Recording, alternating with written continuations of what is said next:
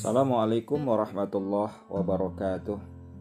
Kembali saya hadir di dalam podcast saya Pelajaran dari Langit memberikan tausiah kepada kita bersama untuk menjadi renungan dan pelajaran dalam hidup dan kehidupan ini.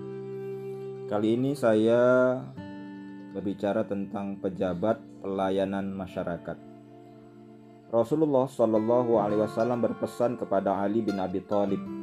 Sabdanya, Hai Ali, sebaik-baik manusia di sisi Allah ialah yang lebih bermanfaat bagi lainnya, dan sejelek-jelek manusia di sisi Allah ialah orang yang panjang umurnya dan jelek perbuatannya.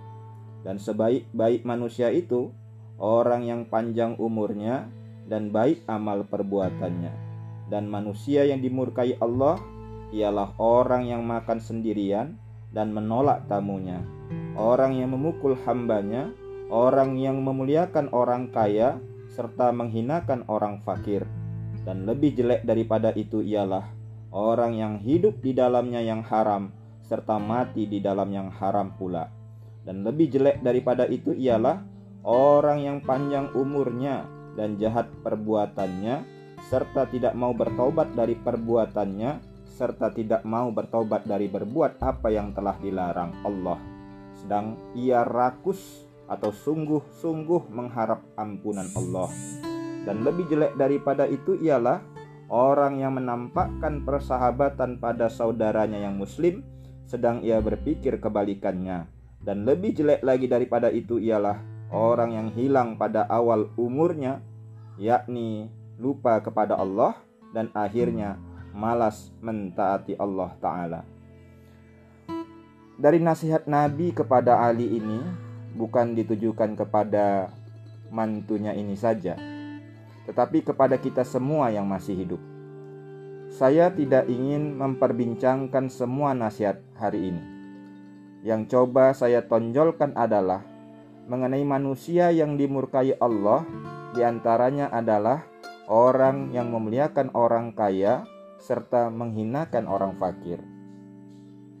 Dilihat dari kondisi sekarang ini, nasihat Rasulullah Shallallahu Alaihi Wasallam tersebut tampaknya banyak yang kita langgar. Salah satunya kita banyak mengutamakan orang yang kaya daripada orang yang fakir. Kita bisa menunduk-nunduk di hadapan orang kaya tersebut, bahkan terkadang mencoba mencari muka di hadapan orang kaya tersebut Padahal boleh jadi orang kaya tersebut adalah orang yang mendapat kekayaan dari hasil korupsi yang selama ini ia lakukan.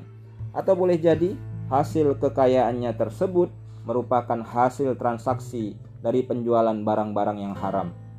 Kalau dipikir-pikir, apa kita tidak malu begitu mengagungkan mereka, menyebut mereka sebagai orang yang bijaksana, orang yang baik, orang yang peduli, karena mereka berusaha menyumbang kekayaan haramnya tersebut kepada orang-orang yang membutuhkan.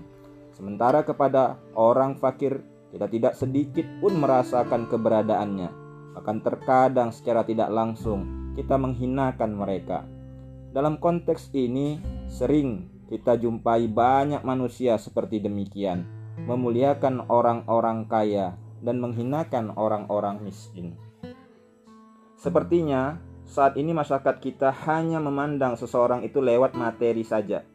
Kalau ada orang yang datang dengan mobil yang bagus, diberi tempat yang baik, diladeni dengan antusias, bahkan segala kebutuhannya dicoba untuk dipenuhi. Tetapi jika yang datang orang biasa-biasa saja, jangankan diladeni, menyilahkan dirinya untuk masuk saja jarang kita lakukan. Maka wajar jika Rasulullah berpesan kepada Ali bin Abi Thalib untuk menjauhi sifat-sifat seperti ini. Karena sifat seperti ini sangat dimurkai Allah. Sayangnya memang banyak di antara kita tidak menyadari demikian. Sama seperti kita menyambut pejabat, padahal pejabat itulah pelayan masyarakat. Tetapi wacana yang muncul, pejabat itu harus dilayani. Akibatnya, semua harus menjadi orang-orang yang menjilat ke atas. Banyak pejabat yang tidak mengetahui bahwa sesungguhnya dia pelayan publik. Dialah yang harus melayani, bukan dilayani. Sementara orang yang seharusnya dilayani tidak dilayani. inilah dunia yang memandang sesuatu lewat kacamata materi dan jabatan. Akibatnya banyak orang yang berusaha ingin menjadi pejabat, orang kaya karena ingin dimuliakan, dilayani, dengan jalan apa pun dilakukan asal ia menjadi orang yang dimuliakan. Jarang ada orang yang menolak untuk dijadikan pejabat karena ia tahu dengan jabatannya ia merasa dimuliakan oleh orang lain. Padahal sebenarnya jabatan tersebut amanah. Seharusnya kita sadar, kemuliaan seseorang tidak hanya dilihat dari jabatan dan materi semata. Kemuliaan harus datang dari diri pribadi. Banyak orang yang mungkin di mata manusia ia tidak punya apa-apa, tetapi di sisi Allah ia adalah makhluk yang terbaik. Oleh karena itu, ingatlah pesan Rasulullah agar kita tidak didurhakai Allah, maka jangan selalu menghinakan orang fakir karena ia tidak punya apa-apa dan memuliakan orang kaya karena ia banyak harta. Tapi usahakan agar kita selalu memuliakan seseorang bukan karena jabatan, kekayaan, tetapi karena memang ia punya kapabilitas untuk dimuliakan. Apakah itu akhlak yang memang baik maupun tingkat keimanan dan istiqomahnya kepada Allah selalu dipertahankan. Jika itu kita lakukan, insya Allah Allah akan tetap selalu menjaga hati kita agar hati kita ini bersih dalam memuliakan seseorang. Bisa jadi jika kita hanya memandang kemuliaan lewat harta dan jabatan, maka bagaimana kita memandang seorang pejabat yang saat ini dikerangkeng di terali besi karena ia menyalahi jabatannya? Atau seorang kaya yang selama ini kita sanjung-sanjung rupanya kekayaannya merupakan hasil korupsi. Oleh karena itu, nasihat Rasulullah ini penting untuk menjaga kita dalam melakukan hubungan dengan sesama manusia. Wallahu a'lam bissawab.